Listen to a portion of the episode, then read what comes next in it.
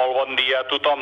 Dissabte de la setmana passada, el 22 de setembre, el Vaticà va fer públic un comunicat on revelava un acord provisional entre la Santa Seu i la República Popular de la Xina sobre el nomenament dels bisbes. El text deia que, en el marc dels contactes entre la Santa Seu i la República Popular de la Xina, que estan en curs des de fa temps per tractar qüestions eclesials d'interès comú i promoure ulteriors relacions d'entesa, s'ha celebrat una reunió a Beijing entre Antoine Camilleri, subsecretari de la Santa Seu per les relacions amb els estats, i Wang Xiao, viceministre d'Afers Exteriors de la República Popular de la Xina, respectivament caps de les delegacions vaticana i xinesa.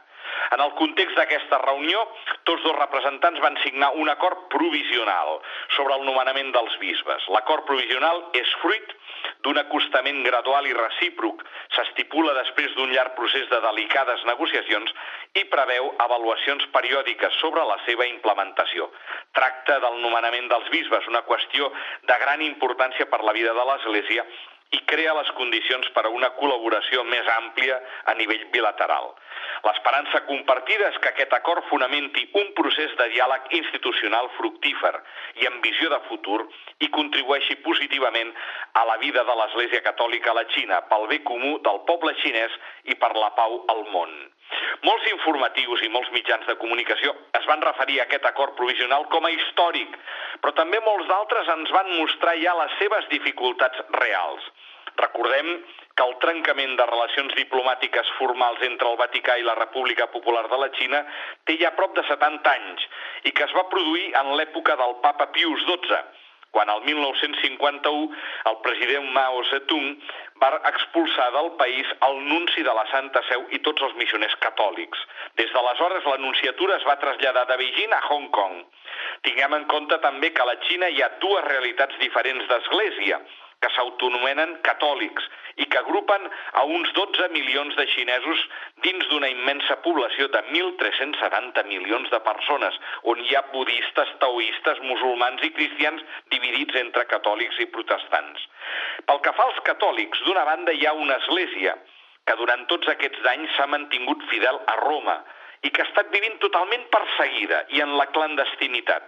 Per altra banda, hi ha l'Església Patriòtica Xinesa, que paral·lelament ha anat nomenant els seus bisbes i ordenant els seus capellans sense el consentiment de Roma i només amb el beneplàcit del govern xinès, mantenint-se com una església oficial xinesa.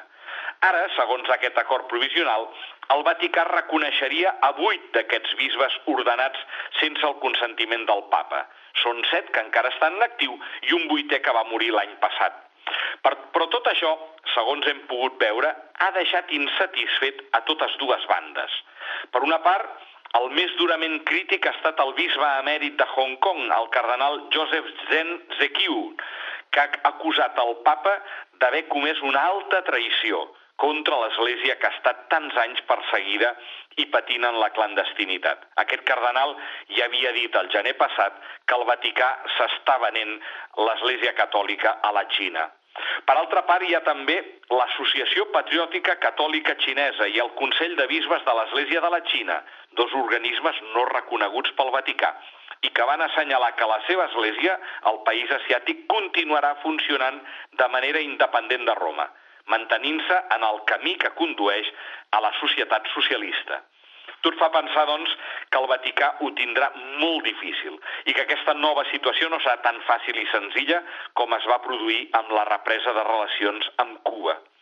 El secretari d'Estat del Vaticà, Pietro Parolin, que és el qui més ha fet i ha treballat per aquesta represa de relacions formals amb la Xina, potser amb vistes a un proper viatge del papa als dos motors asiàtics, a la Índia i a la Xina, i ha fet unes declaracions afirmant que aquest acord provisional només es podia interpretar dins d'un marc pastoral per aconseguir més llibertat, autonomia, organització i desenvolupament de l'Església Catòlica, buscant la reconciliació i vencent les incomprensions, que com hem pogut veure hi són i molt fortes.